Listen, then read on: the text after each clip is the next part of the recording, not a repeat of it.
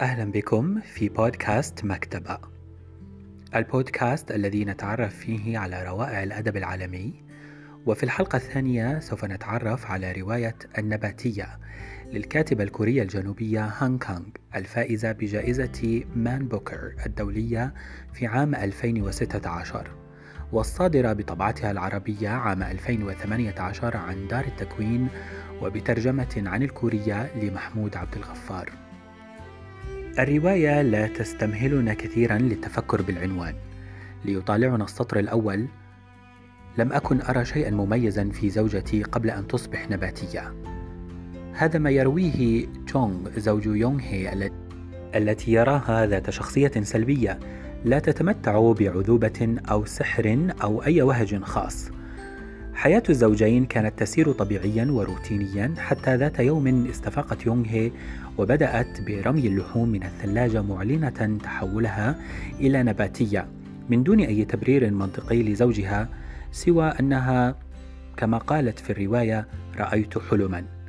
هذا التحول سيشكل منطلقا للسرد وعاملا محركا لمجريات الأحداث ومبدلا للبرامج السردية للشخصيات.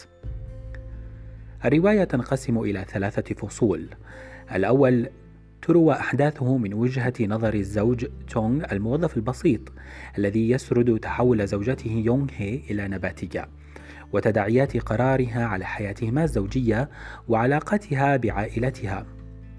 الفصل الثاني البقعة المنغولية يروى من منظور زوج شقيقة يونغ هي فنان فيديو مغمور لم يتمكن بعد من أن يترك له بصمة في مضماره ويسكنه هاجس جسد شقيقة زوجته.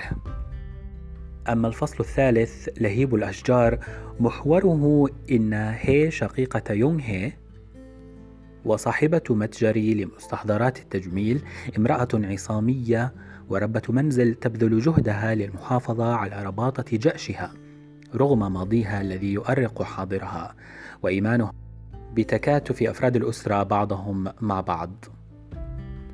النباتية رواية صادمة، فجة، سوداوية، صاخبة، إيروتيكية، جنسانية، تسقط أوراق التين عن المجتمع بتهميشه للفردانية وإخضاع المرأة للسلطة البطريركية وتعري الذات وتكشف هواجسها الدفينة وما يعتريها من قلق وخواء وتساؤلات حول جدوى وجودها.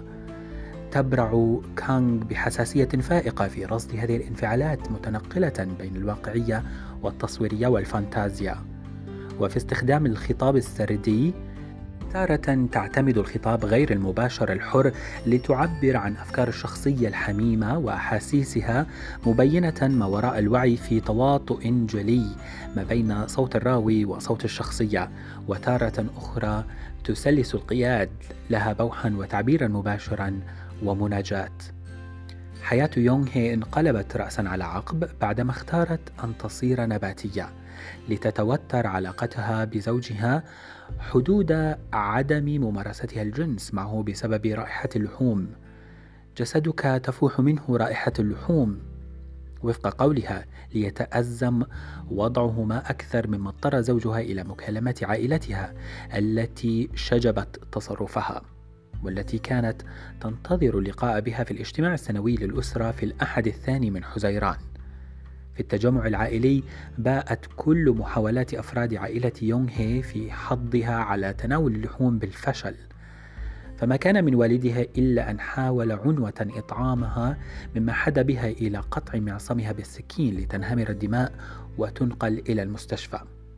بعد سنتين من الحادثة وطلاق يونغ هي وانتقالها إلى مسكن خاص بها يعرف زوج شقيقتها مصادفة امتلاكها لبقعة منغولية ما بين ردفيها ليتملكه هاجس رؤيتها وتحويل جسدها لعمل فني. وبعد تردد وقلق استملكاه استجمع قواه وطلب منها أن تكون موديلا عاريا ليرسم على جسدها ويصورها فوافقت شرع زوج شقيقتها في عملية الرسم على جسدها وصور العمل الفني في شريط فيديو. ومن ثم شاء استتباعه بجزء ثان عن رجل وامرأة يمارسان الجنس وجسداهما مرسومان بالزهور.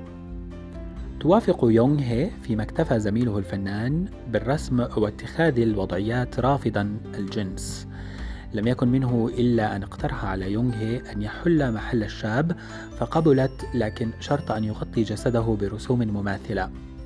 بعدما انتهى من التصوير وممارسة الجنس وإفراغ كل رغباته وإشباع نظريه من بقعتها الزرقاء غفوا ليستفيق صباحا ويجد زوجته إنهي في غرفة الطعام بعدما صدمها هول المشهد. هنا لم ينفع شرح الزوج بعدما اعتبرت أنه استغل الحالة العقلية المضطربة لشقيقتها فاستدعت خدمات الطوارئ الطبية التي قبضت عليه ونقلت شقيقتها إلى مصحة للأمراض النفسية. زوجها الذي أطلق بعد فترة احتجاز عادت لتلتقيه فيما ظلت تتابع وضع يونغ هي وتداوم على زياراتها في المشفى بعد تدهور صحتها وفقدانها وزنها. شخصية يونغ هي وإن كانت على السطح امرأة ترفض أكل اللحوم وترغب أن تكون نباتية في مجتمع يعشق اللحوم إلا أننا إذا تأملنا شخصيتها بدقة سنجد أن دوافعها أعمق من ذلك بكثير. فامتناعها عن الأكل هو صرخة لا تنتهي في وجه العنف الأبوي والذكوري والإنساني بشكل عام صرخة في وجه الرفض المجتمعي لأي اختلاف وبذكاء شديد تلقي الكاتبة بين طيات الرواية سؤالا هل من المفترض كقراء أن نتعاطف مع يونغ هي أم لا؟ هل نتمنى نجاتها أم موتها؟ وتسأل على لسان بطلتها لماذا الموت أمر سيء؟ لا تكتفي هانغ كانغ بالتركيز على شخصية البطلة بل تتجاوز ذلك لتظهر أثر هذا التحول على حياة عائلتها. فالرواية كما ذكرنا مقسمة لثلاثة أجزاء يرويها ثلاثة شخصيات مختلفة. زوجها وزوج أختها الكبرى وأختها الكبرى نفسها. في الجزء الأول. كما ذكرنا يرفض زوجها هذا التمرد ويعتبره إهانة لذكوريته لذا لا يكف عن الاعتداء عليها واغتصابها لأكثر من مرة. ثم في النهاية يطلقها معتبرا نفسه ضحية لتنتقل يونغ هي للحياة في بيت أختها الكبرى وزوجها. الجزء الثاني يرويه زوج الأخت وهو رسام يبحث عن إلهام ما فيجده في تخيلات جنسية يتصور فيه جسد أخت زوجته عاريا وقد طبعت عليه رسومات للزهور. هذه رواية بها الكثير من الأشياء التي تستحق العناء فهي صورة مصغرة للمجتمع والتاريخ والمطبخ الكوري. لن تنفك من الشعور بالجوع وأنت تتخيل آنية المشهيات ورائحة الأطعمة النفاذة كما إن فكرة أن يصل الأمر بشخص نباتي إلى أن يتحول ويتصرف كشجرة ناطقة لفكرة بارعة تنم عن خيال جامح. تسلط الرواية أيضا على قضية العنف ضد المرأة كالعنف الأسري أو من جهة الآباء واستغلال المرأة جنسيا وإهمالها بعد أن تمرض أو تصاب بحالة نفسية.